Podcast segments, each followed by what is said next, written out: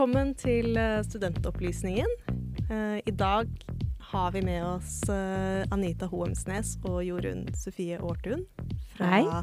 DN. Hei. Journalister i DN begge to, og forfattere bak boken 'Penga og livet'. Ta grep om økonomien. Mm. Og den skal vi snakke litt om i dag. I tillegg har vi med oss Victoria i dag som Ja. programleder. Yes, hallo. Og, og hvem er du? um, heter Victoria, 23 år. Um, studerer nå film og TV. Eh, og det her er min første podkast. Så veldig spent. Veldig spennende. Eh, og da tenkte vi at vi kunne begynne å snakke litt om boken. Eh, for hvorfor, eh, hvorfor valgte dere å skrive den? Eh, Det var egentlig så er det jo en konsekvens av den Facebook-gruppa som vi kaller DN Kvinner. Vi var fire-fem damer i DN som bestemte oss for at vi hadde lyst til å nå kvinner på en annen måte. Og vi så at selv om vi mener at det som står i DN egner seg selvfølgelig for begge kjønn, så så vi at det var faktisk flest menn som leser oss. Så tenkte vi hvordan skal vi nå fram med stoffet vårt? Skal, vi veit jo at eh, liksom, damer liker økonomi, de òg. Og da oppretta vi den gruppa, DN Kvinner for de som er interessert i likestilling og økonomi. Og det var en kjempesuksess, rett og slett. Og det bare raste inn med spørsmål, og vi har nå 35 000 medlemmer. Og det er eh, en enorm sånn bra gruppe når du lurer på ting, da. Ikke sant? Du flytta sammen med samboeren, eh, trenger hvordan skal vi ordne økonomien? Og så bare raser det inn med svar fra damene i gruppa. Og da fikk vi spørsmål fra Aschhaug om vi hadde lyst til å lage en bok basert på de, mest, eh, de temaene som var mest spurt om i eh, gruppa. Og det var jo helt fantastisk. Vi har skrevet om privatøkonomi i over 20 år og har enormt lyst til å formidle det videre på en forståelig måte. Fjerna fra liksom finansspråk, som kan være Ja. litt stammespråk. Altså Mm. snakke om penger som noe hverdagslig og noe forståelig da, Mm. for folk flest. Mm.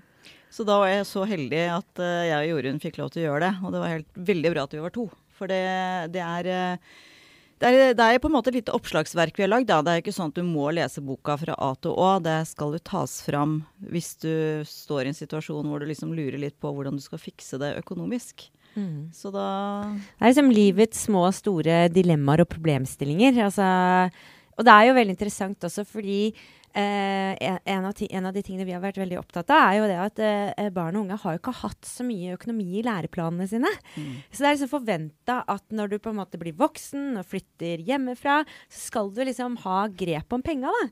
Og det merker jo vi fra våre perspektiver, og alle disse sjukt kloke damene i gruppa vår, at det er jo ikke sånn. Mm. Ingen er feilfrie, og man har alltid noe å lære. Eh, så vi så jo det at eh, veldig mange etterlyste på en måte et rom da, eller en arena hvor man kan utveksle erfaringer og kunnskap og bli smartere sammen. Mm. Og det er på en måte hele motivasjonen også bak boka.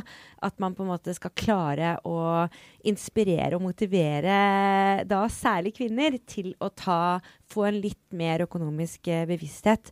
For det er jo også litt sånn, dessverre, at det er ikke likestilling i Norge økonomisk eh, he helt fullt og helt. Altså, vi er et av verdens mest likestilte land, men når det kommer til økonomisk likestilling, så er det noen strukturelle skjevheter og noen skjevheter i eh, hverdagen og i det private som gjør at uh, kvinner noen ganger kommer litt dårlig ut. Mm. Ja, nei, jeg har jo faktisk lest uh, boken på forhånd, og Så bra. det var veldig mye jeg ikke visste, Mm. eh, og ble litt inspirert. Så bra. Så Eh, kult! så- Det er jo målet. Ja. Men det er jo ja, en del sånne ting så Veldig fokus på kjønnsforskjeller. Men dette er jo tips som kan gå til alle, eh, både kvinner og menn. Absolutt. Og- Definitivt. Og i hvert fall for oss studenter som gjerne skal ut på egen hånd på første gang. Mm. Eh, og sparing og studentøkonomi og alle sånne ting. Det er, det er litt gresk. Det blir litt Mm. gresk, og så er du liksom som student så har du jo du har jo begrensa økonomi. Det er jo ikke, det er jo ikke da du skal liksom ja, Nå skal vi spare masse i aksjefond. altså det er veldig få som klarer det, tror jeg. Men eh, det vi sier er jo, som gjelder både studenter og alle egentlig, er at det, finn og liksom Bruk nå de pengene du har på noe du virkelig har lyst og glede av. Og så prøv heller å kutte på tingene som du ikke sant, Å ha for dyrt mobilabonnement, for dyr strømabonnement, for høy eh, rente på lånet. eller et abonnement på en eller annen sånn strømmetjeneste som du ser eh, liksom en gang i måneden. Som ikke betyr noe for deg, liksom. mobilen, liksom, som ikke du engang vet du har. Altså, bare sånn, man, ja. Ja, for du vil jo ikke liksom gi bort penger til folk du ikke har lyst Altså som du ikke betyr noe for deg. Du vil jo som student, i hvert fall jeg bare tenker Når jeg var på 1880-tallet en gang, så ville jeg jo bruke penger på å reise og feste. Og ha det, det gøy, liksom. gøy. Ja. Og det er jo, du skal jo virkelig ikke være Altså det er mange som er flinke og snusfornuftige studenter, men jeg tenker at det er en tid for alt, da. Og det er kanskje ikke i denne perioden du skal liksom eh, eh, Du skal jo bruke de pengene du har, kanskje, og så spare det du klarer. Men ikke gi noe ekstra penger til sånn Telenor eller eh, DNB eller sånne som kanskje tar litt for høy rente på lånet ditt, eller, eh, eller litt for høy pris på mobilabonnementet. Og så kan man jo trøste seg med det at eh, den viktigste investeringen man gjør, er jo i seg selv. Altså når man studerer og bygger seg en utdanning eller en retning eller en vei, så er jo det eh, veldig økonomisk. Det er jo Mm. derfor man har eh, ordninger som gjør det mulig, både for samfunnet og for en selv. Eh, så vi er veldig opptatt av at ikke skal være liksom, pekefingre som skal Mm. fortelle det her er det skreddersøm eh, som gjelder. Men vi opplever jo også litt det som kritiske journalister. Da, at det bare er sånn, det er masse informasjon på nettet om Mm. Privøk og sånn. Og så skal man prøve å liksom navigere og google seg fram til hva som er rett og galt. Og så er det liksom, kommer man fort liksom til en bank da, som egentlig driver med markedsføring og reklame. ikke sant? Så det er noe med det å også kunne ha liksom den derre Hakkespettboka eller Økonomibibelen som, Mm. eh, som faktisk er skrevet med motivasjon og bare 'Dette trenger du å vite'. Mm. Trenger ikke å vite alt, men du kan liksom slå det opp når du vil, og, og det kan hjelpe deg når du står overfor en problemstilling. Mm. Og da, da, er det, da er det bankers, på en måte. Så ser jeg bare Tenk på det studenttorget. Er det den sida den, den sida som har så utrolig mye sånne rabatter for studenter, ikke sant? Ja, det Jeg bare så på den, og jeg bare Kjære vene, er det mulig å kjøpe noe til full pris når du er student, liksom? Det er, det er bare så mye rabatter. Og hvis man er litt smart og er litt bevisst på det, da, så, så klart at eh, hver krone du liksom slipper å betale ekstra, er jo en god krone. Og det handler jo, men alt det jeg sier nå, det handler om hva slags forhold du har til penger. Og det, har vi, det bruker vi litt tid på i boka, rett og slett fordi at det er så interessant. Hvorfor, hvorfor er det sånn at noen Du veit de der som du møter og som har liksom spart til bolig siden de konfirmerte seg og liksom Ja. Ikke sant? De litt irriterende som har Litt masse Litt så snusfornuftige. Litt snusfornuftige. Eh, ære være dem, altså. Ja, ja. For all del. Men du, du har dem, og så har du Sløseriombudsmannen på andre sida, ikke sant, som bare skjønner ikke hvor pengene blir av. Og hvorfor blir det sånn? Og det er jo veldig mye oppdragelse, faktisk. Altså hvor kommer du fra? Fordi eh, det er det forska på. Ellen Nyhus ved Universitetet i Agder har forska litt på det. Og det viser seg jo det at det er i familier som Det trenger ikke være nødvendigvis familier som har dårlig råd, men der hvor det ikke prates om penger. Eller hvor det på en måte har vært litt sånn Ja, for så vidt at kanskje ikke regninger blir betalt, eller at man har et veldig sånn litt sånn løst forhold til penger, da. Så, så smitter det over på barn. Så, så hvis du føler deg litt sløsete, så må du bare liksom Det, det kan du skylde på foreldra dine, faktisk. Det har, det har veldig mye å si. Har det. har det. Det har jeg merka sjøl, at uh, i vår familie så har det alltid på en måte vært Ikke sånn fokus mye på penger, men de har alltid på en måte passa på at vi vet hva vi bruker penger på. Og på en måte alltid Det har jo smitta veldig over på oss òg. Mm. Eh, men man blir jo stressa når man snakker med venner da, som på en måte har spart f.eks. BSU da, siden de var 15 år og begynte å jobbe. Mm. Ja, Og man blir jo stressa av det. Mm. Man Mm. begynner sånn Herregud, hva er det jeg bør spare, eller hva bør jeg bruke pengene mine på? Man Mm. blir Det er lett å bli påvirka. Veldig lett å bli andre. påvirka av det. Og så Ja. er det Bare fordi også- sammenligne seg òg, ikke sant. Mm. Man Ja, skal jo ikke det det. heller alltid. For man har ofte, dessverre, så er jo boligmarkedet blitt litt sånn at det er ikke helt eh, Alle har ikke et likt utgangspunkt, da. Mm. Og det skaper jo noen store forskjeller. Nesten litt sånn A- og B-lag, dessverre. Det gjør det, men det jeg tenker også på det du sier med oppvekst, så er det jo det at man Det gjelder jo, ikke sant, vi veit jo det, vi sammenligner oss med andre på alt. Og, men det er liksom det å ikke gi opp, da, på en måte. Det å starte med din måte å spare på, eller din måte å, å håndtere økonomien på, da. Ikke sant? Det er jo som en, jo som en trening, og vi skriver litt om det. At i hjernen, da, så er det jo en konstant kamp mellom det å bare ville bruke og nyte ting med en gang, og det å skulle tenke langsiktig. For hjernen vår er fortsatt tilbake til, eh, til steinalderen, hvor det var uh, viktigste målet var å skaffe seg mat i løpet av dagen. Og så klarte du det, så overlevde du faktisk en dag til. Og med minst mulig motstand. minst mulig motstand. Så når du da skal begynne å tenke på at du skal spare langsiktig, og liksom, liksom spare nå for å bruke senere og sånn, så stritter det veldig imot, da. Så du må liksom overliste hjernen, og det er sånn som slanking og spar, sparing og trening. ikke sant? Mm. Alle vaner, egentlig. Altså, mm. det, man må lure hjernen litt ja. eh, på rett spor. Eh, og der har vi noen gode metoder, da. Og eh, der vil jeg gjerne si to ting. Det første er at det er lett å tenke liksom at å gud, jeg må være så rik for å kunne spare. Og det er vi veldig opptatt av å bare si nei, det trenger du ikke. Det er, altså, har du et par hundrelapper til overs, begynn med det, da. Det er kjempebra, det. Altså, ikke minst når du er student. Og hvis du på en måte sparer, putter de et sted hvor eh, pengene kan yngle, eh, så blir det faktisk ganske store sømmer hvis man har en litt sånn langsiktig sparehorisont. Eh, og så er det noen triks man kan bruke hvis man skal og ikke er sånn Det er ikke på en måte det man eh, kanskje har vært best på. Eh, det er f.eks. mikrosparing. Mm. Jeg er helt sånn Jeg elsker mikrosparing. Jeg har sånn masse forskjellige sparemål på, som jeg har satt opp. Og så hver gang jeg drar og kjøper en kaffe eller går på butikken, eller sånne ting og det er ganske ofte. det er ganske ofte, så settes det over en liten sum som jeg har bestemt, til et sparemål. Så på en måte mm. det å liksom bare la, and, la, andre gjøre litt jobben for deg, så slipper du å ta det valget.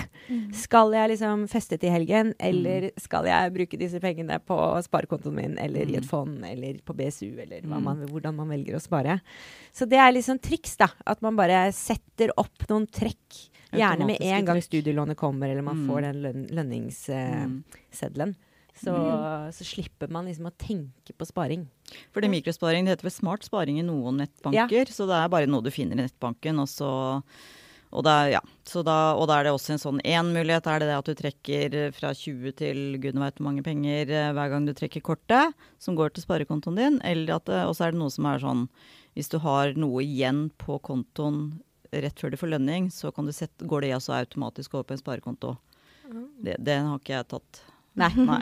Mikrosparing for holde. Så det er egentlig tre råd da, som vi har sånn til hvis man tenker på at man er student og nå jeg, burde jeg begynne å spare. Og det er den mikrosparinga. Og så er det hvis du har muligheten til å spare i BSU. Det er en utrolig god sparemåte. Vi må bare si det, vi som er for gamle til dette her. Hva er det vi har skrevet i boka? Banken Banken smører unge kunder, ja. står BSU for. Fordi at du verden, du får en rente i dag på BSU som ligger over 3% Jeg har null på min sparekonto. Heldigvis finner jeg en annen sparekonto med litt mer, men du, eh, dog, det er liksom bare kjempe... Så, så, ikke sant, de unge, da, den renta dere får på BSU-en, det betaler vi voksne for med null prosent rente. Ja.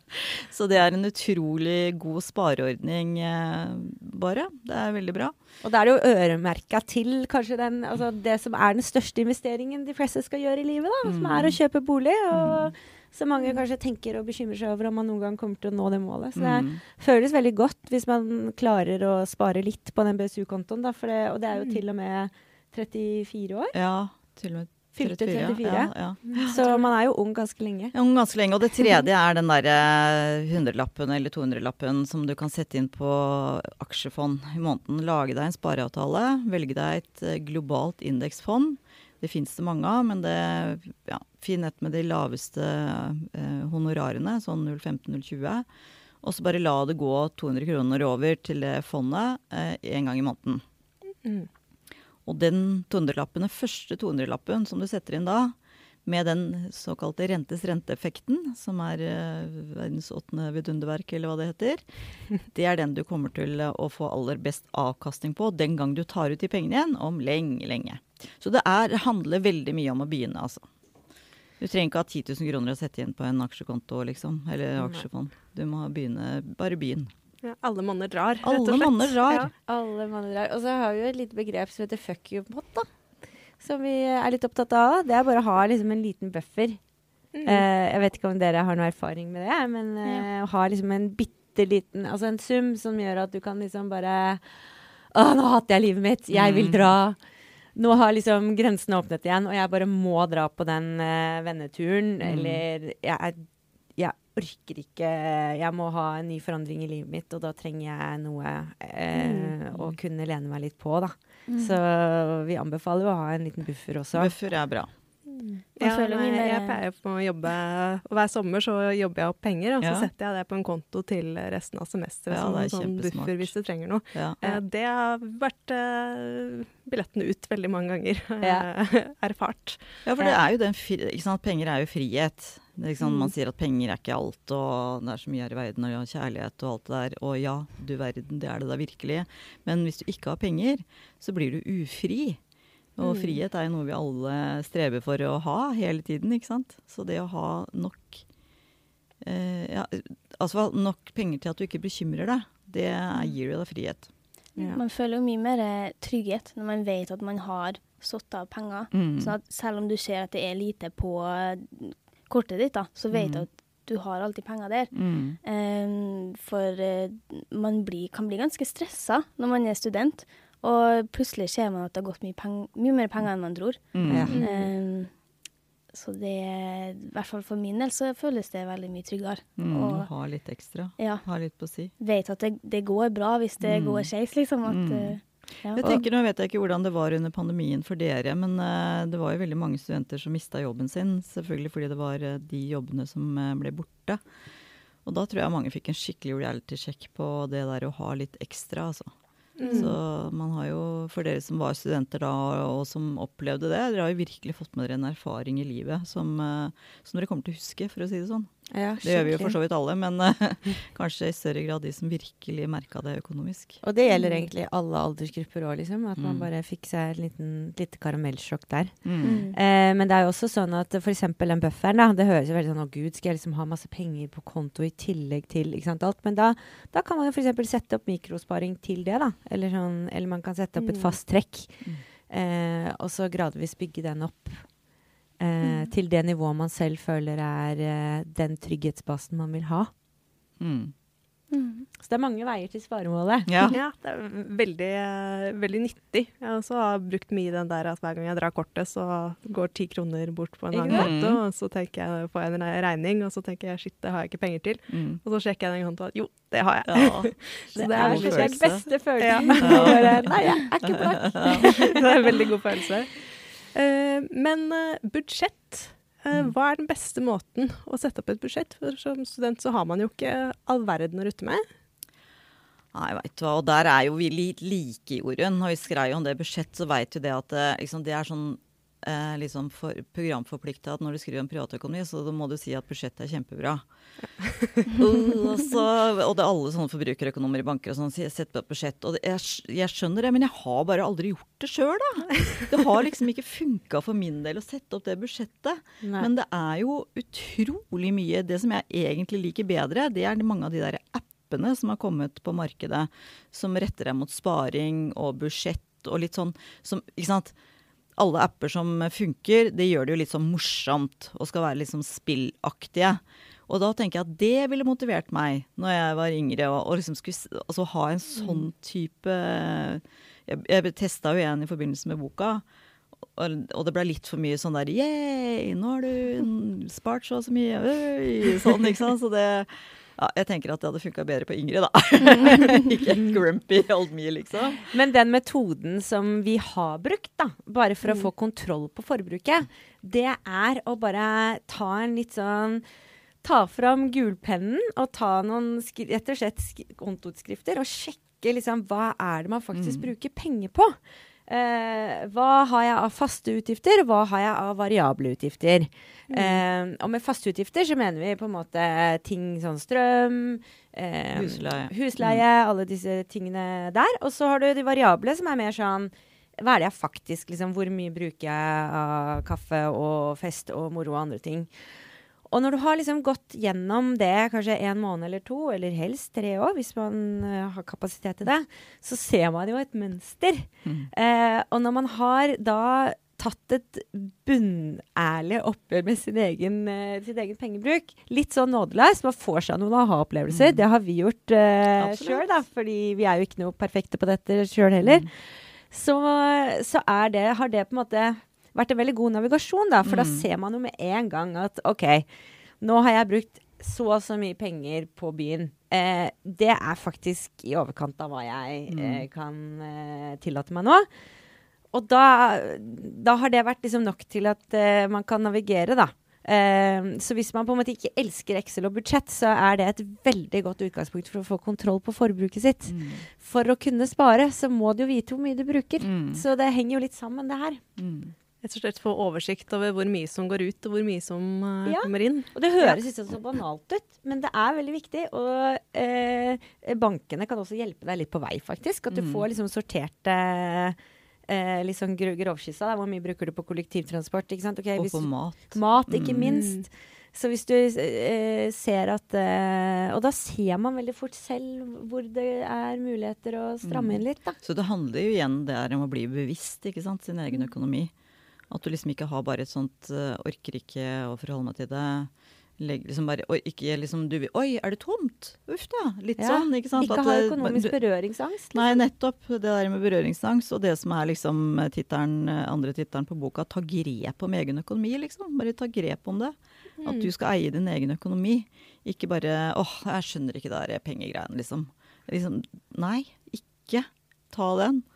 Og ta, og ta Vær innom nettbanken ofte, liksom. Logg deg inn, Mm. sjekk mobilen. liksom, OK, hva har jeg brukt? Ikke få For det er noe med det at når man på en måte føler at man ikke helt mestrer det, så kan man angste litt. Og da Mm. er det veldig lett å heller bare la det skure litt, eller tenke Mm. liksom Å, jeg bare I dag orker jeg ikke å Vil egentlig ikke vite. Nei, nei. uh, og det kan selvfølgelig vi alle relatere oss til, men, men når man har liksom kommet over den bøygen der, og liksom, så er det faktisk ganske gøy, da. Mm. Så ser du liksom neste måned at ja, shit, liksom Nå hadde jeg litt det i bakhodet, at jeg skulle Mm. bruke litt mer, mindre penger på, på den tingen. Og så, og så får man litt bedre råd.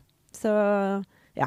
Og så Det er en litt- absolutt en øvelse vi anbefaler. Absolutt. Og det å liksom tenke litt over eh, Når er det du bruker mye penger, da? Når er det liksom Å ja, herregud, nå er det liksom mange bursdager i vente, eller også skal jeg på ferie, og så er det en hyttetur, ikke sant, som skal skje om to måneder. At du liksom tenker på det litt, prøver liksom opp i hjernen din å tenke å ja, ok, da må jeg holde igjen litt nå. For å sikre at jeg har penger da. Det er jo litt de eh, grepene også, da. Og delingsøkonomi, da. Altså at man, lei, at man kjøper liksom Jeg vet at det fins masse apper. Man kan bruke, kjøpe liksom brukte AirPods med garanti, og det er liksom mye sånn måte man kan også Har man noe som andre kan ha bruk for, kan man leie ut. Mm, eh, og Tice og- ja, Mm. Som funker veldig bra.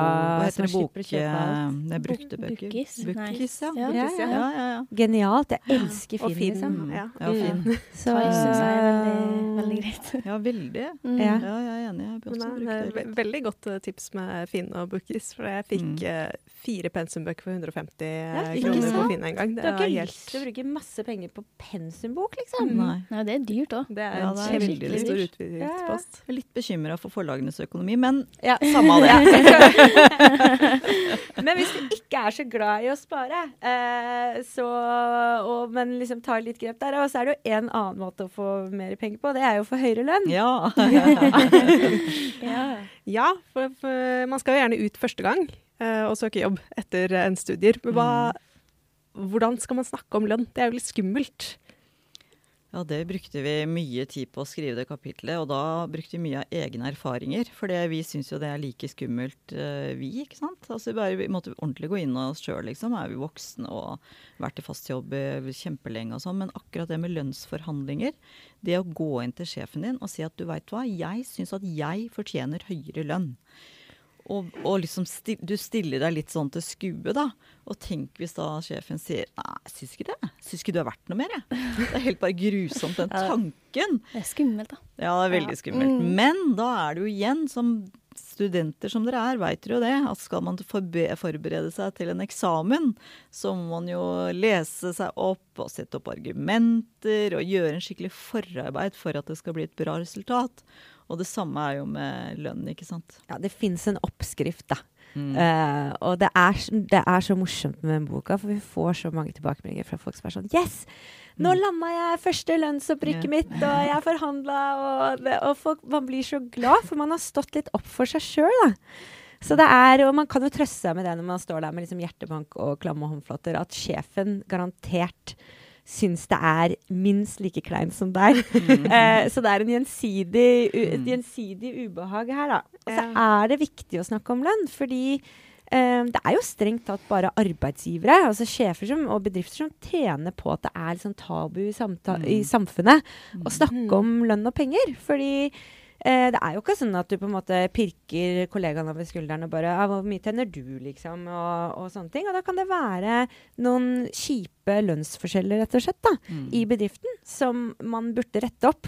Men, men det som vi skriver litt om, er jo det at du må jo ta utgangspunkt i deg sjøl og de oppgavene du har. Hvorfor fortjener du mer lønn? Ikke sant? Det, er, kan, det er kjempedumt å bruke argumenter som at det er skikkelig blakk, trenger mer penger. Ja. Ikke sant? Det blåser sjefen i. Eller at du har Ja, f.eks. at kollegaen din tjener mye. Han tjener mye mer enn meg. Og så, og så skal du risikere da at sjefen sier ja, det er fordi han er bedre enn deg. Liksom. Altså du, så du må bare konse på deg sjøl. Ja. Jeg gjør denne jobben. Eh, Nå har jeg plutselig fått noen nye oppgaver. Det, har, det er et ansvar som jeg ikke får betalt for i dag. Eller du har vært med på et prosjekt som er landa og gjorde det veldig bra. Og du kan liksom legge sånne argumenter på bordet for sjefen. da. At Ja. siden, sist, så, siden sist lønnsopprykk så har jeg gjort, fått de oppgavene som er nye. Jeg har tatt mer utdannelse. Og jeg har vært med på et prosjekt. Eh, På den bakgrunn så treng, tenker jeg at jeg kanskje, så har jeg lyst til å be om lønnsopprykk, da. Så ikke sant, du har tallene. Og pluss at bedriften går bra. Ja.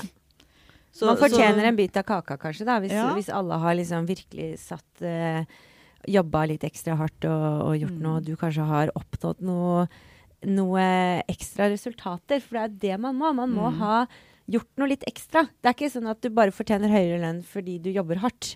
Eh, du skal gjerne ha noen konkrete fakta å kunne vise til. Mm. Og da vil jo heller ikke denne samtalen oppfattes som så klein.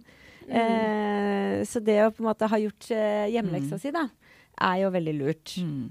Men jeg tenker også at det er kjempeviktig at, eh, at de som er studenter, også tar den eh, samtalen når de har sånne deltidsjobber. For jeg syns det liksom, når jeg har hørt om eh, har jo unger i den alderen og sånn, at det liksom er ikke all, Det er en del arbeidsgivere som syns det er ganske enkelt og greit å bruke billig studentkraft, da. Mm. Ikke sant? Og som eh, rett og slett spekulerer litt i at, eh, at studentene er såpass unge og uerfarne at de kommer ikke med noe ekstra krav til lønn. Mm. Så, så man skal være, skal være litt bevisst det også. Og så er det mange som liksom sær, ja, får ekstra oppgaver for sånn, holdt jeg på å si, stengevakter, eller plutselig liksom uh, får ansvaret Ugunstige skift, rett og slett. Ja. Du jobber når andre ikke vil jobbe. Ja, at man er uh, mer eh, er bevisst på det. Så Ja. man rett og slett ikke bare behandler den deltidsjobben som en sånn selvfølge at du ikke skal få noe mer betalt der heller. Nei, for det er jo noe for å behandle å der òg. ja, altså så du øver deg faktisk når du har den deltidsjobben, sånn at du er klar når du skal ha den ordentlige første jobben din. Ja, veldig viktig. Litt sånn første pannekaka. Ja, ja, nettopp. Og så kan det være litt lurt å øve seg litt på forhånd. Eh, ha litt sånn role, roleplay eh, med en venn eller eh, en annen, og bare gå gjennom argumentasjonsrekka di. Eh, Og gjerne også tenke litt på de eventuelle motargumentene du kan møte.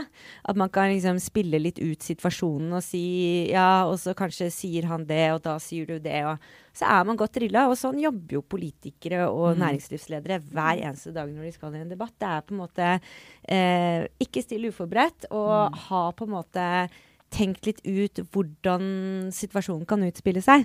Så føler man seg mye tryggere og, i seg selv også. Og tenke litt på kroppsspråk. Eh, ha pusten godt ned i magen. Mm. Eh, og, og man bør også kanskje velge et eh, godt egna tidspunkt for denne lønnspraten. Ikke, sant? ikke bare ta det når eh, sjefen er dritstressa og skal i noe annet. At man har litt god tid. Mm. eh, ja. Eh, at man er ja, som Anita sa, at man har lagt bak seg en litt ekstra bra periode, kanskje. Enten det er deltid eller heltid. Em, Og hvis man syns, og det er, eh, og hvis man syns at det er litt skummelt, så skal man jo vite at det, i, i, i arbeidslivet så er det jo sånn at det er årlige lønnsoppgjør sentralt. Som uh, ja, foregår på våren hvert eneste år, hvor liksom de store partene LO og NHO legger en slags sånn lønnsramme for eh, lønnsveksten i samfunnet, som veldig mange bedrifter velger å forholde seg til. Lønnsrammen er 3 eh, og da er det mange bedrifter som bare kopierer det til sine ansatte. Ok, da blir det 3 eh, Men der også tenker jeg at det er noen som sikkert synder litt mot det. Men det også er viktig for alle å sette seg litt inn i. da. At Mm. hvis du liksom opplever at nei, det kommer faktisk ikke noe høyere lønn til meg i år. Og så har du det argumentet ja, men nå er det jo sånn at uh, det har blitt forhandla i sentralt uh, med en ramme på 3% så da er det vel naturlig at vi også går på det. Og prisveksten går jo opp, så ja. Prisveksten går veldig opp, det vet vi jo godt Alle. nå. Ja. Og så er det eh, det å snakke med fagforeninger på arbeidsplassen. Hva Altså- er lønnsgjennomsnittet her? Ja. Hva er det folk tjener? Det kan Mm. fagforeningslederen eh, hjelpe deg med. Og så kan du Mm. også gå på SSB slash lønn og se hva som er liksom, bransjestandarden der hvor du jobber. Mm. Det er også veldig kjekt. Da får du vite det. Mm. Eh, og så er det lurt å ta en titt på stillingsbeskrivelsen sin. For ofte så blir man liksom Man er ja-menneske, ikke sant? så man tar på seg masse ekstra oppgaver som kanskje ikke er det som står eh, på papiret. Og da kan man også ha et godt argument for litt høyere lønn. Så du får litt koll på hva er egentlig oppgavene mine Mm. uh, i Mm. der, der, der jeg er nå. Men, men hvis du nå, har- nå har kommet inn i de lønnsforhandlingene, da, uh, og du stiller forberedt, men hvilke argumenter er det du kan vente deg å møte uh, fra sjefen sin side? Nei, Det helt vanligste er jo det at nei, det har vi ikke råd til. Altså Bedriften går ikke så bra, og nå kommer det Vi har mista en kunde, og, og, og liksom de på markedsavdelingen, de, de sa, sa ja til et mye lavere oppgjør enn det dere får, og liksom sånn skyver andre foran seg. Det har vel aldri gått dårligere, og Nei. andre har vel aldri vært mindre, liksom mer ydmyke og tilbakelente som når man står der og skal forhandle. Ja. Det er veldig vanskelig, for hva skal man liksom svare til det? Nei, én ting er jo å være Sjekke litt. Altså hvordan går det egentlig i denne bedriften? Litt sånn se på et resultat, kanskje. Høre med noen kollegaer. Vet dere åssen det går, eller? Og så Ja, nei, jeg snakka med sjefen på kaffeautomaten i går, han sa det går kjempebra, ikke sant. Så være litt eh, Ta det med en litt klype salt. Og så, si, og så egentlig bare gå tilbake, og når du får det argumentet Ja, det går så dårlig, men, men eh, gå tilbake til dine egne argumenter. Mm. Altså, ikke sant? Nesten litt sånn at eh, ja, om jeg får et lite tillegg, så er det vel ikke det som velter bedriftens økonomi. Det er jo ikke det. Eh, nei, altså for det, Og du har de argumentene du har for deg sjøl. Og akkurat i Mm. denne samtalen så er det jo deg de snakker om. De snakker Mm. ikke om Gitte på markedsavdelingen som to tok deg til takke med litt lavere lønn, liksom. Nei. Det er jo Utgangspunktet bør jo være deg selv, og hva Mm. du selv har prestert i eh, den perioden du har vært gjennom, da. Og så er det Nå er det liksom, de, nå er det, et- kommer det til å bli, og er, et fantastisk arbeidsmarked. Og det er jo ikke på ingen måte alle år man kan si det. Men nå har det jo Det har aldri vært så mye stillinger utlyst som det var eh, på tampen av fjoråret f.eks. Og så fikk vi en liten knekk nå med litt sånn omikron inn i dette året. Men når det nå åpnes opp igjen, så kan man jo vente at det er enormt behov for arbeidskraft. ikke sant? Det er jo Ja. ja, Særlig innen restaurant, eh, hotell, reiseliv, eh, dagligvare osv. Så, videre.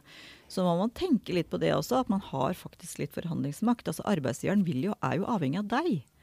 Så, og det er et kjempepes for en arbeidsgiver å skal drive og finne nye folk hele tida. Og det er jo heller ikke verdens undergang hvis du skulle få nei. Nei. Det er worst case scenario er OK, du får nei. Men da tenker jeg sånn, da skal du være stolt hvis du har gått frem på riktig måte og brukt gode argumenter. Så tenker jeg at sjefen gjerne ser at ja, dette er en person som, eh, som lener seg framover i skoa, som er ambisiøs, og som på en måte det er tak i. Og så kanskje neste år, da, så er det din tur. Eh, og det fins også ting man kan få som ikke akkurat er lønn, da, selv om selvfølgelig det er det man har mest lyst på. Som f.eks. kanskje ønsker man litt bedre vakter, litt mer ferie. Eh, utdanning, ikke minst. At man kanskje kan ta et kurs på et ekstra kurs for å bli enda mer kompetent. Det er jo en investering for bedriften og deg selv.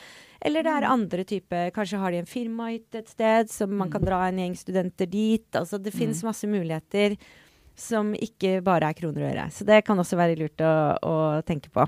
Eh, og vær stolt av at man har liksom gjort den jobben og stått opp for seg sjøl. Jeg tenker at det det er bare Det viser bare at man er en attraktiv arbeidsgiver. Mm. Og har du fått et tilbud hos en annen Det er det beste. det er også Det, det er, det er trumfkortet, liksom. For da får gjerne sjefen fart på seg, da. Og det var bra du sa, fordi at det aller viktigste, aller viktigste du gjør for lønna di, det er jo det første Det er jo når du får en ny jobb.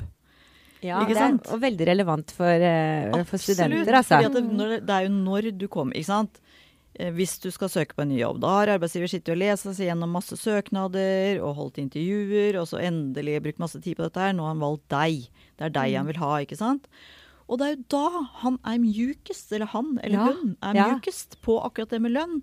Hvor du sier at ja, men dette var interessant, det, det, det, denne jobben er jeg veldig interessert i. Men jeg har kanskje sett for meg litt høyere lønn.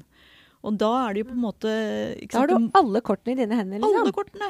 Og da Fordi- må man forhandle. Punktum. Det mener jeg. Altså. ja, Prøve veldig. litt, liksom. Fordi da, da er de så kine på å få deg. De, Mm. de har liksom du er den beste kandidaten de kunne tenke seg. Man må Mm. tygge litt på det. altså, Mm. Eie den. Og tenke, og så selvfølgelig skal man ikke stille et helt sånn urealistisk krav. Så hvor de tenker sånn Oi, shit, liksom. Ja. Begynner å revurdere alt. Men litt opp. Ja. Du kan nesten regne med at arbeidsgiver har tenkt det. Ja. At uh, her kommer det en liten runde med forhandlinger. Så hvis du ikke gjør det, så, så da er det den som tjener på det, Ja. ikke du. Ja, det er jo veldig sant. Det for det er jo litt, litt, man er jo litt tilbøyelig til å bare ta det man får uh, Mm. tilbudt. Det er jo første jobben man er glad for bare å ha fått jobb. Ikke sant? Jeg gjorde det. Uh, Jeg, ja. jeg, jeg har måttet forhandle mange ganger uh, etterpå for å liksom justere det. da. Så jeg kjenner meg veldig igjen i det. Jeg var ung, og bare fast jobb i DN var liksom Ja. drømmen. Ja. og ja, Så jeg, eh, jeg angra litt på det i ettertid, men jeg har blitt god på lønnsforhandling. da. Ja, du har blitt helt rå på det, så det er kjempebra. Nei, men det er, jo, det er jo akkurat det der eh, at du er så glad for å få den jobben. At du blir helt blind. Men det, det er, eh, som Jorunn sier, det er helt forventa at du skal forhandle litt. Ja. Arbeidsgiver sitter og ja. Men når Altså, hvor lenge kan man ha jobba en plass da, før det er greit å på en måte begynne å spørre om lønn? Nei, Hvis du får en fast jobb, så er det jo som regel en prøvetid på seks måneder. Um, og da er det ofte at man tar en liten prat etter det halvåret for å, hvordan det går og, og sånt noe. Og da kan det hende at det ligger opp til uh, at man også da kan uh, få høyere lønn. Men, men som regel så er det sånn én gang i året. Eh, men vi sier jo det at det er liksom Hvis du har gjennomført et kjempebra prosjekt da, i januar og februar f.eks., så, så er det dumt å vente helt til neste år igjen før du liksom nevner det, hvis du skjønner. Så, så det kan være litt fleksibelt på tid, men vanligvis så er det sånn én gang i året. Man har gjerne medarbeidersamtaler. Eh, det er jo mer eller mindre rutine i de fleste bedrifter. Ikke Og ganske sånn eh, ja, det, er ikke den, det er kanskje ikke den samtalen man gleder seg mest til. Men hvis man har en lønnsforhandling eh, i bakhodet, så er det faktisk ganske gull. For da kan du få argumentet servert på et gullfat. Altså. For da sitter du gjerne og sier hva er du flink til, hva er dine styrker, eh, hva synes de du har gjort ekstra bra, da. Og det, ja takk, det er et godt lønnsargument, det. Mm. Men bare ikke ta praten i selve medarbeidersamtalen. Eh, det ryddigste er nok å da notere seg det, og så på en måte ta et nytt initiativ til en prat, da. Eh, Mm. Og så er det det vi sier, at du skal ikke liksom bare se på kollegaen din liksom åh, hun eller han tjener mer enn meg, da vil jeg også ha mer lønn. At det er et dårlig argument, da. Men, eh, men eh, samtidig så skal man jo liksom eh, Ikke sant. Du skal jo være bevisst det. Altså hvorfor har den Altså den har de samme oppgavene som meg. Og jeg har gjort det og det. Altså, du kan jo liste det inn på en måte. Så jeg, for jeg tenker at vi av og til er litt sånn konstant, eller sånn veldig kontant på at det må du ikke si, liksom. At han kjenner mer enn meg, og derfor skal jeg ha det samme. Eh, men Grunnen til at vi sier det, er Mm. jo fordi at det noen ganger kan være litt sånn individuelle tillegg, som det heter, da, Ja. som ligger bak. At kanskje har den personen hatt en med litt mer yrkeserfaring, eller ja, har noe i sin bagasje som Mm. gjør at han eller hun fikk forhandla seg opp litt mer enn deg da man inngikk kontrakten, eller man er Mm. på et litt annet lønnstrinn, eller Mm. et eller annet som gjør at man uh, Mm. men, men man skal jo, altså selvfølgelig nettopp fordi vi veit som journalister i DN, og på bakgrunn av DN Kvinner, at det er urettferdige lønnsforskjeller mange er steder. Og da mener vi jo at folk med samme bakgrunn, samme nivå, samme eh, alder, Mm. alt er egentlig ganske likt, men så tjener man forskjellig. Og da begynner man jo å snakke om at det er litt underlig. Mm. Mm. Det må man prate om og prøve å jobbe for å utjevne. Mm. Mm. Jeg lurer litt, på sånn, for du snakka om aksjer og fond og sånn i Mm. stad. Um, hvorfor tror dere at det er færre kvinner som driver med det? Det går jo også litt tilbake til forskning på hvordan eh, kvinner og menn er forskjellige. Ja, kvinner og menn er forskjellige, da. Eh, Men det går på risikotagende. At menn tar mer risiko enn kvinner. Altså på veldig mange felt i livet. Sjekk eh, forsikringsstatistikken på hvem som krasjer mest og kjører fortest og sånt noe. Eller kriminalstatistikken. Der vil vi jo ikke være. Der vil vi ikke være, ikke sant. Men, eh, men så, så risiko gir utslag i mange ting. Men det å investere i aksjer, det er, gir, er, jo en, er jo med større risiko, eller høyere risiko, enn å sette penger i banken. Hvis du setter penger i banken, så veit du at pengene dine er helt sikkert. Du får tilbake pengene dine. Ferdig med det. Mm. Men veldig mange av de unge nå, som det er jo kommet liksom 160 000 nye som har kjøpt sin første aksje på Oslo Børs de siste to årene, eh, de har opplevd en fantastisk sånn oppgang på Oslo Børs, ikke sant? Og det er sett bare sosiale medier stappfulle av folk som skryter av at de har tjent masse på en eller annen aksje. De har blitt veldig tause nå, ikke sant? for det, er- nå går det jo ikke så veldig bra. Og da kan du tape alt, ikke sant? Når du er investerer i aksjemarkedet på enkeltaksjer, så kan du tape alle pengene dine. Og det viser seg at kvinner har mindre Det vil ikke kvinner. De leter etter eh, mindre risikofylt sparing enn det menn gjør. Og så tror vi litt på dette her at eh, Tilbake til det å liksom gjøre pengepraten til noe liksom hverdagslig. Jeg vet ikke med dere, men når dere sitter og drikker vin med venninnene deres, eller uh, henger med de på et eller annet vis, uh, spør dere de på en måte Sparer du i aksjefond? Uh, hvilke fond har du? Eh, å, jeg har gjort det kjempebra med indeksfondet mitt i det siste. Mm. Juhu, dritbra! Eller å, vet dere hva, jeg fikk forhandla lønnen min for eh, forrige måned, eller? Altså, det er noe med at mange kvinner, kanskje spesielt, oppfatter det som liksom eh, klamt og grafsete å snakke om penger. Eh, og det, nettopp dette denne boka og tilbakemeldingen har fått med den, da, og Facebook-gruppa også, vitner jo liksom at man har savna dette Mm. rommet for å utveksle erfaringer og kunnskap om penger. For du vil jo ikke putte pengene dine i noe du kanskje ikke helt er kjent med, eller føler deg litt utrygg på. Eh, så, så det å liksom eh, Og der tror jeg kanskje at menn snakker litt mer om, om aksjer og investeringer, og de, det er på en måte liksom forventa. Det Kulturelt, veldig, ja, det er også veldig historisk betinga. Så er det jo menn som alltid har hatt de høyeste lønningene og de største formuene, og som har hatt muligheten til å investere i aksjer osv. Hvis du ser på noen av de gamle filmene sant, fra Wall Street og sånn, altså, ja, det er så stereotypt som du kan få det. Og dette har jo vart langt oppe på 2000-tallet. ikke sant? Fortsatt Ja. så er jo andelen kvinner i det vi kaller frontfinans, altså de som jobber ja, med aksjemegling osv., forsvinnende få i forhold til menn. Så det har vært liksom menns domene også. Og en annen ting som jeg syns er litt interessant, det er liksom at det, liksom, det er greit for kvinner å ikke ha greie på økonomi. Det er, det er liksom, akseptabel, liksom akseptert at kvinner skal egentlig ikke kunne så mye om sånne investeringer og børs og sånn. Ikke sant? At det er litt sånn Ja, det har vært litt sånn aksept for det, da. Mens det har vært mindre aksept for at menn ikke skal Altså en mann som sier 'jeg har ikke peiling på penger' eller ingenting. Det er ikke noe Jeg syns ikke det er så tiltrekkende. Jeg er. Jeg er veldig der at jeg prøver å få mine venninner til å begynne med aksjer. Ja. For det er noe jeg sjøl har begynt litt med de siste Ja, årene. Og på en måte har jeg merka at det er ikke like skummelt som man skal ha det til. Og det må ikke være risiko hvis Nei. du setter inn i aksjer der Kanskje du har fulgt med en stund og du ser at de kommer ikke til å gå konkurs. Nei. De holder seg litt. Mm. Da må du gjerne Jeg syns det er veldig greit at du setter inn penger du vet Du du kan. kan ha det ei stund. Mm. Ja. For at det kommer til å gå ned. Mm. Og Ja, ja. sånn er det jo bare. Men hvis du har penger du kan ha der f.eks. i et år eller to, og de bare kan stå der, Mm. og du gidder å følge med hver dag, så Mm. kan du jo faktisk tjene deg gode penger det. på det. Og jeg syns det er kjempebra at det er så mange unge som har prøvd seg det siste året. Ja, fordi at Ja, det, det gjør jo. Da får de mer kunnskap og mer læring. Mm. Og det er jo spennende så. Og man kan liksom ja, også, lese samfunn... Altså, vi liker å si det litt sånn at du blir en stolt eier av AS Norge, på en Ja. måte. Eller, ikke?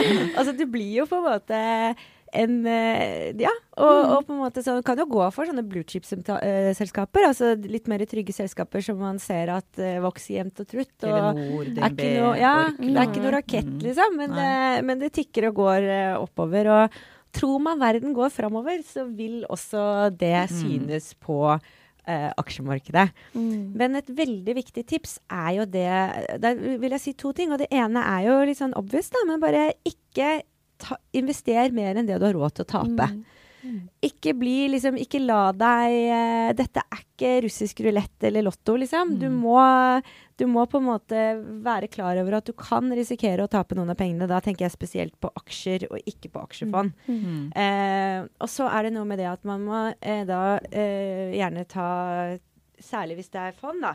At man setter opp trekk jevnt Mm. utover. At ikke du bare setter alle pengene dine inn en viss dato. For det har jo historien vist at kan være en Mm. litt dum eh, greie. For da Ja. Da September 2008, liksom. Ja. Hvor, mye, hvor mye penger må man ha for å kunne investere?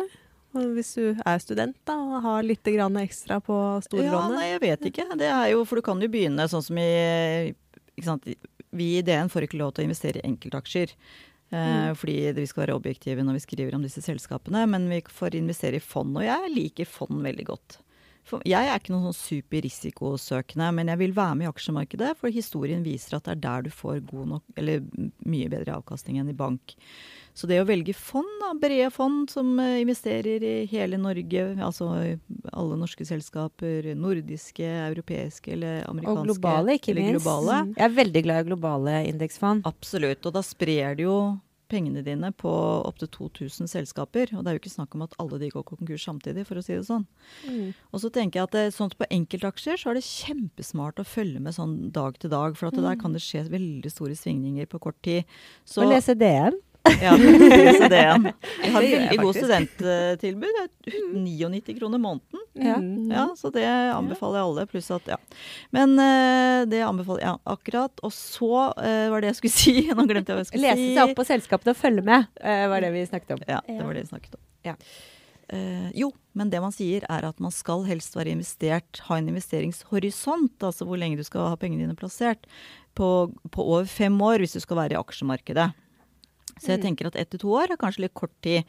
Men eh, som sagt, på enkeltaksjer, når du følger tett med, så, så kan du kneppe ganske gode gevinster hvis du følger med. Men på fond så kan det være sånn at du liksom lar det tikke og gå i en sånn spareavtale, da. Og så må du ikke, skal du helst ikke følge med sånn som det har vært nå det siste med ganske bratte kurver ned. Da, ser ikke jeg, da sjekker ikke jeg fondene mine, liksom.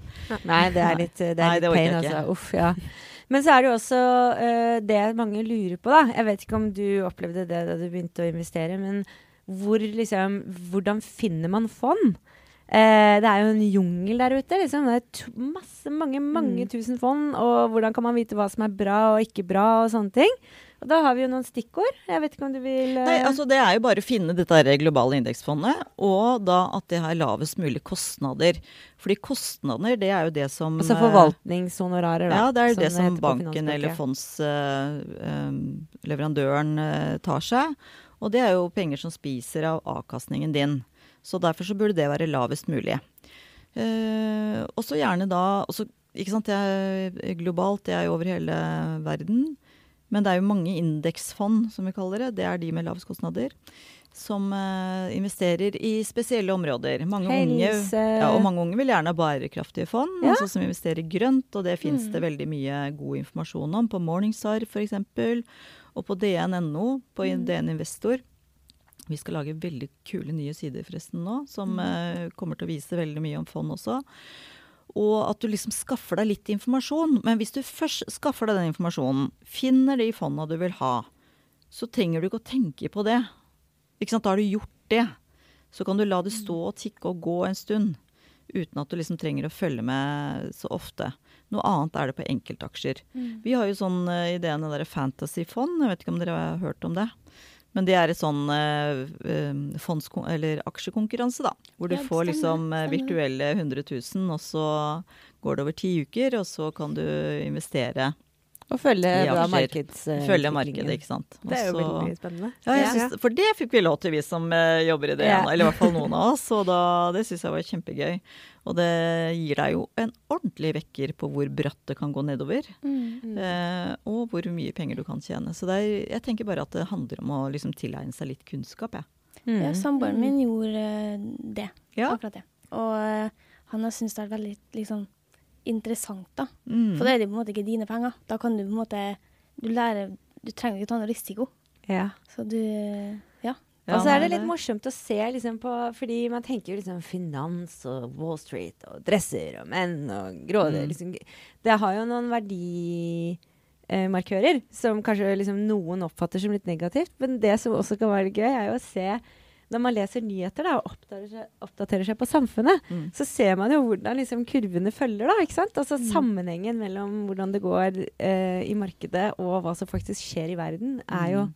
det er jo, så, det er jo det som er Mm. greia. Og det, da leser man på en måte utviklingen på en litt annen måte. Mm. Ja, det var jo litt eh, fascinerende egentlig da Elon Musk tvi, bare tweetet, og så går bitcoin Ja. rett i kjelleren. Ja, veit du hva, den kryptoverdenen er jo helt Det er spinnvilt. spinnvilt, altså. Mm. Ja. Virkelig. Men det har vært innmari morsomt nå.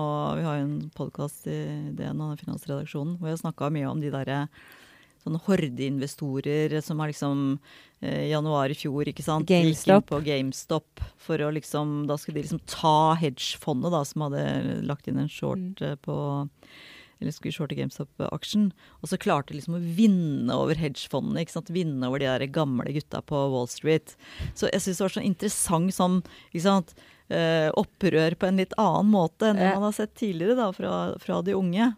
Mm. Prøve å kuppe aksjemarkedet på en måte. Og det har jo skjedd som følge av at det er en veldig stor eh, spredning av såkalte finfluensere på eh, sosiale medier. da, På TikTok og YouTube og sånn. Og da er bare tenker jeg at dere som er unge og vokser opp i dag, det er ganske, heldigvis ganske mediekritiske. Fordi Ja. dere har liksom vokst opp i internettverden og veit hvor mye tull det er der, liksom. Og det må man være, altså. For der er det liksom Hvis du stiller opp med sånn gullkjeder og noen fine klokker og sier at uh, kjøp bitcoin eller Ethereum eller hva søren, Ja. så, så får du like mye penger som meg. Det håper jeg virkelig at man eh, Da må de heller kjøpe boka vår. da, må de heller kjøpe boka vår. da kjøper heller Jeg skjønner at globalt indeksfond blir litt kjedelig da, men, eh, men penga dine er litt sikrere, da. Ja, for litt sånn eh, Ja, nå begynner vi å nærme oss eh, slutten her, men eh, vi så litt på parøkonomi eh, også i boka. Mm. Ja! ja. Hva, også. hvorfor? Ja. Nei, det er jo et av de tingene som vi får mest spørsmål om i DN Kvinner. Og det, er liksom, det klassiske spørsmålet er Man skal flytte sammen. Den ene personen eier mer i en bolig enn den andre. Og hvordan skal man fordele forbruket? Og dette er jo virkelig en minefelle. Du er kjempeforelska, og du skal bli samboer, og du, alt skal bare gå på at du skal handle fine ting og få det koselig og sånn. Ingen vil jo ha den der ekle økonomi- og pengesnakken da, ikke sant? Så man utsetter gjerne det. Og det er jo også sånn Ja, ja nå, det, nå skal vi virkelig ta en prat om hva som skjer når det blir, altså hvis det blir slutt. Det er jo Ja. på en måte en litt sånn Det er jo litt dystopisk, ikke sant? Å Mm. sitte der og bare line opp eh, hvordan man skal fordele ting Mm. som, eh, som man har skaffa seg, eller boligen, ikke minst, da. Og, men vi hadde jo noen intervjuer med noen av de råeste sånne advokatene på eh, Det heter jo ikke skilsmisseadvokater, men eh, Familierettsadvokater. familierettsadvokater. Og de var bare krystallklare, for de ser at kvinner ofte kommer veldig dårlig ut eh, ved samlivsbrudd.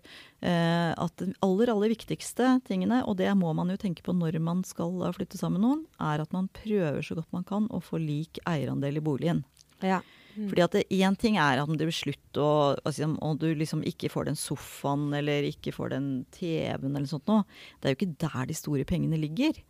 Men hvis du oppdager etter et samboerskap på fem-seks år at du står på gata og ikke har sikra at du får med deg eierskapet ditt i en bolig, så må du liksom begynne helt på nytt. Mm. Så det å prøve å prioritere å få større eierandel i den fellesboligen, det er utrolig viktig. Kjempeviktig. Og Og, mm. og at man gjerne også tar en samboerkontrakt. Mm. Eh, fordi det er jo mange som ikke helt veit liksom, hva Mange tror at når man er, blir sammen, eh, så tror man at man på en måte har krav på halvparten når det blir slutt. på en måte. Og det er veldig stor forskjell mellom å være gift og være samboer, og de fleste begynner jo som samboere. ikke sant? Eh, og da må man være klar over at selv om man kanskje har felles økonomi, i gåsetegn, Mm. at man har felles forbruk og ting kanskje er litt innsausa, så regnes man som to helt individuelle økonomiske individer. Mm. Eh, så da er det bare det du fikk med deg inn, det tar du med deg ut igjen. Mm. Og det kan kanskje høres fair ut på papiret, men det er ofte sånn at det får litt uheldige utslag, da. Hvis du f.eks. har Hvis du flytter inn da, til noen som eier en bolig, og så betaler du bare husleie, på en måte, ikke sant? Så, så Og ikke skriver noe sted da, at uh, dette er for å liksom eh, kjøpe deg inn i boligen, at en del av husleie er- regnes som det å kjøpe seg inn i boligen, så får du ikke med deg noe når du går ut igjen. Da har du betalt husleie som om du skulle betalt leie til en hvilken som helst person, Mm, på en ja. måte. Så det, og det er ganske tøffe prater å ta. For at det, sånn som vi snakket om i stad, folk kommer jo inn fra utrolig forskjellige økonomiske bakgrunner. da. Man kan ha fått leilighet, fått penger fra foreldre, ikke sant. Mens andre ikke har det. Og at man tjener veldig forskjellig. Er det riktig at man skal ha delt økonomi hvis den ene tjener mye mindre enn den andre, f.eks.? Eller skal man være liksom at man lager en andel?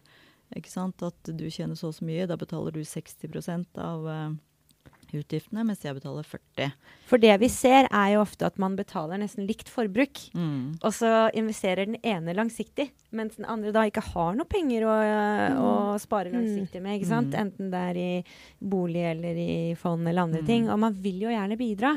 Og føler kanskje sjøl litt på det at man ikke eh, kanskje tjener like mye som partneren, eller at det er en skjevhet der da, på den ene eller andre måten. Og da tenker vi jo to ting. Det ene er jo at det er raushet som gjelder. Mm. At man på en måte, Det er viktig at man er et vi, også økonomisk, i et forhold. Særlig hvis man på en måte har vært sammen en stund og man får barn og Mm. sånne typer ting. Da, da blir det et helt annet ballgame. Mm. Og at man på en måte eh, At man eh, er eh, det er skreddersøm som gjelder. Mm. Altså Det fins ikke en one size fits all her. Man må bare prate om det. Mm. Og et triks da, for å ta den hersenes pengepraten, er jo For det er jo sånn, man er jo ikke nødvendigvis kompatibel økonomisk. ikke sant? Det er jo ikke det man faller for. Så det å begynne å, å snakke litt om kanskje noen felles mål, da. Sånn, og kanskje ikke man skal liksom smelle den samboerkontrakten i bordet når man har vært gjennom en litt sånn luggete periode, men at man kanskje snakker litt om at shit, skal vi få til den Å, jeg har så lyst til å dra på den ferien. Hva med at vi starter en liten spareavtale sammen, og så kan vi på en måte kose oss for de pengene? Eller at vi ser på forsikringene, ikke sant. Altså, noen har jo kanskje dobbel innboforsikring fordi man har forsikring hjemme og der hvor man er folkeregistrert, og der er det masse penger å spare. At man går liksom felles til verks for å rydde litt i økonomien. Og at man kanskje har et kort hver, men som er liksom egne kort, men også et felleskort hvor man på en måte tar regninger og sånne ting. For da blir det litt mer rettferdig. For det er veldig vanskelig å holde oversikt i hverdagen på hvem som betaler hva til enhver tid. Det erfarer i hvert fall jeg, da, som har vært Mm. samboer i 100 år. Mm. Så da er det noe med å på en måte ha de økonomiske kjørereglene. Og at man kanskje tar det også enten når man har vært i en god periode i forholdet, eller ganske kjapt når man er litt forelska. Mm. For da Det vi i hvert fall veit, er at den Mm. dagen det rakner og alt er surt, så er det dritvanskelig. Da er man ikke den beste versjonen av seg selv, og det er vanskelig å liksom finne en løsning på, på det, da. Mm. Men hvordan setter man opp en slik kontrakt? Det er egentlig ganske enkelt. Du trenger ikke noen sånn advokat eller eh, noen sånn spesielle Formkrav, egentlig. Nei, egentlig ikke. Men, og det fins faktisk veldig mange fine maler på nettet på samboeravtale. Og så fyller man inn det, da, hva man kom inn med i samboerskap, og, og så legger man også til der um, hva man har blitt enige om når det gjelder uh, f.eks. Å, å, at den ene skal kjøpe seg opp i leiligheten. Og eller når man får en arv f.eks., eller får litt ekstra penger hjemmefra. At det også føres inn i samboerkontrakten, som er noe som du liksom har sjøl, og som ikke skal forsvinne inn i dopapir og mat liksom i samboerskapet.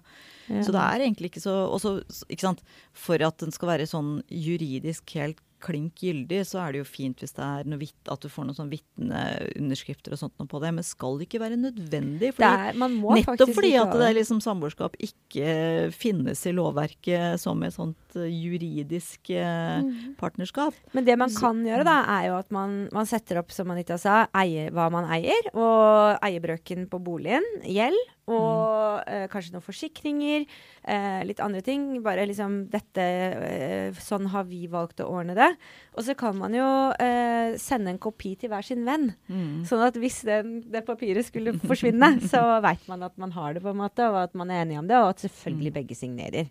Mm. Eh, men, eh, men man trenger ikke liksom ha noen sånn tredjepartsvitner at eh, akkurat dato og når man skriver under. Eh, så det er bare å liksom få ut fingeren og gjøre det, Ja, som det er liksom eh, Kjempevanlig. Vi prata og skrev om det sjøl, det tok jo 100 år før vi sjøl gjorde det. liksom. Enda vi veit det, men det er nettopp den der litt sånn ubehagelige pengepraten, altså. Mm. Så- Særlig hvis man har litt forskjellig utgangspunkt. Da blir Ja, det ekstra det. ekkelt. For det er sånn, OK, skal jeg liksom be om Man vil jo ikke be om mer av den andre heller, ikke sant? Det er jo liksom Nei, Man vil jo være veldig Ja. Og så er det litt sånn Mm. stereotypt, bare helt sånn siste poenget, og det er litt sånn kvinner og menn. Vi har jo tok noe, sånn, gjorde en undersøkelse i forkant av, eller når vi skrev boka, og liksom hvem er det som handler sånn klær til ungene, mat og puter og sånt hos dere, og hvem er det som tar seg av forsikringer og bank, og det var jo liksom krystallklart. Mannen tok seg av de store beløpene, lån, forsikringer og sånne ting, mens eh, kvinnen tok det, holdt på å si, hyggen i huset. Og det er jo utrolig viktig for å ha det hyggelig, så det er ikke noe med det. Men, men det gjør jo at du mister oversikten òg, ikke sant. Så det handler faktisk om å engasjere seg veldig eh, i eh, økonomien i forholdet. Ja, At, at begge, det er at du har full oversikt, rett og slett. Felles prosjekt. Mm. Rett og slett. Og, og på en måte det at eh, man tenker litt på hva er faktisk forbruk. ikke sant? Altså hva er det, Når blir pengene mine brukt opp? Det er jo hyggelig der og da, men Mm. uh, Og jeg er også litt sånn Elsker og interiør og sånne type ting. Mm. Og det er kanskje også til og med sånn at når, i parøkonomien at man har lyst til å pusse opp, da. Mm. Kanskje man har flytta sammen et sted, og det er førsteleiligheten, og man vil male, og man vil gjøre om ting og sånn. Og da er det også veldig viktig at man tenker litt på eier jeg dette, eller leier jeg her, ikke sant? Mm. Fordi den dagen den boligen selges, så er det eh, Du får den- ikke igjen den malinga, for å si det sånn. Nei, og kanskje får den andre partneren, enten det er deg eller, eller eh, han eller hun eller hen, eller Mm. ja, få masse penger, da. For den, den innsatsen du har lagt inn for å skape et fint hjem. Mm. Eh, og da har man ikke den samboerkontrakten, eller at man har funnet en løsning på sikt som skaper en rettferdig eierbrøk, så er de pengene tapt, liksom. Mm. Med mindre man har liksom kvitteringer og skal liksom regne inn hvor mye Og det er ikke så lett, rett og slett, når Mm. årene går, da. Nei, det er jo en ting man ikke alltid tenker over. Nei. Så, Nei, rett og slett. Men da må vi jo nesten uh, runde av snart. Men sånn eh, siste kjappe spørsmål er pensjon. Hvorfor skal vi tenke på det allerede nå? Ja, for det er så kjapt å forklare, så det var veldig fint du tok det opp på slutten, syns jeg. Da anbefaler jeg i hvert fall alle studenter og DN-abonnenter å høre på neste onsdags pensjonswebinar på DN mm. den 16. februar. Men eh, det er veldig bra du sier det, fordi i 2022 så kom det nemlig, altså i år da, så har det kommet noen nye regler som gjør at uh, dere som er studenter, og ja, fra du er 13 år så tjener du opp til pensjon. Og da er det jo veldig viktig at de pensjonspengene plasseres i aksjemarkedet. Fordi dere er det 50 år til dere skal gå med pensjon. Så det er eh, det og de pengene som dere da får inn nå, eller som sparer til pensjon nå, eh, vil få en veldig hyggelig vei, antageligvis eh, da når dere skal en eller annen gang om veldig mange år ta det ut igjen. Mm. Så, så, så selv om du er ung, så skal du tenke pensjon når du har en jobb. Eh, og bare vite hvor du har pensjonsopptjeningene, for det kommer dere alltid til å ha. Enten du jobber i offentlig eller privat, så har du pensjonsopptjening gjennom arbeidsgiver. Og plassere det til aksjer. De som jobber i det offentlige, har ingen eh, Der er en annen type pensjonsordning, så de får ikke gjort noen ting. De kan bare prise seg lykkelig den dagen de får pengene, holdt jeg på å si. Eh, Da har man gjerne litt bedre pensjonsordninger også, da. det har man også. Og så er det ikke sånn at man skal spare til pensjon når man er liksom 20-åra og liksom tidlig 30-åra. Da skal man spare til bolig. Så, så det er mye sånn pensjonsskremmeri i mediene, og særlig hos bankene, at du må spare til pensjon, ellers så har du ikke penger å leve av, liksom, når du blir pensjonist. Eh, nei. sånn er det ikke, faktisk. Så, men du skal være bevisst på at du sørger for å plassere pengene riktig, og til ikke så veldig høye kostnader. Når du er ung, så er det nettopp de pengene som kommer til å gi deg mest glede, tror jeg, når du blir gammel. Ja. Også et veldig godt Mm. tips tilbake. Vi snakka jo om lønnsforhandlinger. Eh, og det å finne ut hva er eh, eh, Hvis du jobber i det private, da, eller får jobb i det private, hva er eh, innskuddspensjonen her? Hvor, hvilken prosent ligger man på? For det fins noen bedrifter, og særlig servicenæringen og andre steder, som har helt ræva eh, prosentsats i innskuddsperson. Og da kan man jo også forhandle litt høyere lønn og si, vet du hva, jeg eh, får så dårlig pensjon og jobber her at eh, nå kan det hende at eh, man bør se på lønnsslippen min for at dere skal være attraktive for meg å jobbe for framover. Og det at man også ser litt på liksom, risikoprofilen, da, som vi snakka om tidligere, eh, på innskuddspensjonen. Vi får så mye penger eh, av det offentlige, eh, også i pensjonskakestykket, eh, som gjør at man kan godt eh, gire litt opp da, når man er eh, ung og lovende, eh, og ta litt høy risikoprofil på innskuddspensjonen sin. Eh, Og så kan man heller litt etter hvert jekke litt ned, sånn at man ser at eh, ja, at, at når det nærmer seg mer pensjonsalder, så trenger man ikke å ta så høy risikofil. Og det er veldig lett å gjøre. Eh, jeg vet ikke om du har oppskriften? eh, Nei da, jeg trenger ikke å ta det nå, men Nei. det er som du sier, at hvis du tenker at du får La oss si du får 1000 kroner i pensjon, da. Det er latterlig lavt, så det er, ikke, det er ikke realistisk, men det er bare for eksempelets skyld, som det heter. Hvis du har 1000 kroner utbetalt i pensjon, så får du 700 til 900 kroner fra folketrygden, altså fra det offentlige. Og så får du eh, 20 til 30% fra der du jobber, altså gjennom arbeidsgivere du har gjennom hele karrieren din. Og så er det 0-10% fra det du sparer selv. Så, så, så det aller største andelen kommer jo fra Nav, da, eller fra folketrygden. Og den største muligheten du har til å påvirke din egen pensjon der, det er å jobbe 100% så lenge som mulig. Tusen Og det vil man jo. Tusen takk for veldig bra informasjon og tips. Takk, det var så gøy. god, det var kjempehyggelig. Du må innse at vi skravler jo Nei, så det det. Ja, det dette brenner vi for, for å si det sånn. Ja, nei, men det, det merkes. Så det var veldig hyggelig at dere kunne komme til oss. Bare hyggelig. Ja, det var kjempekoselig. Takk for oss.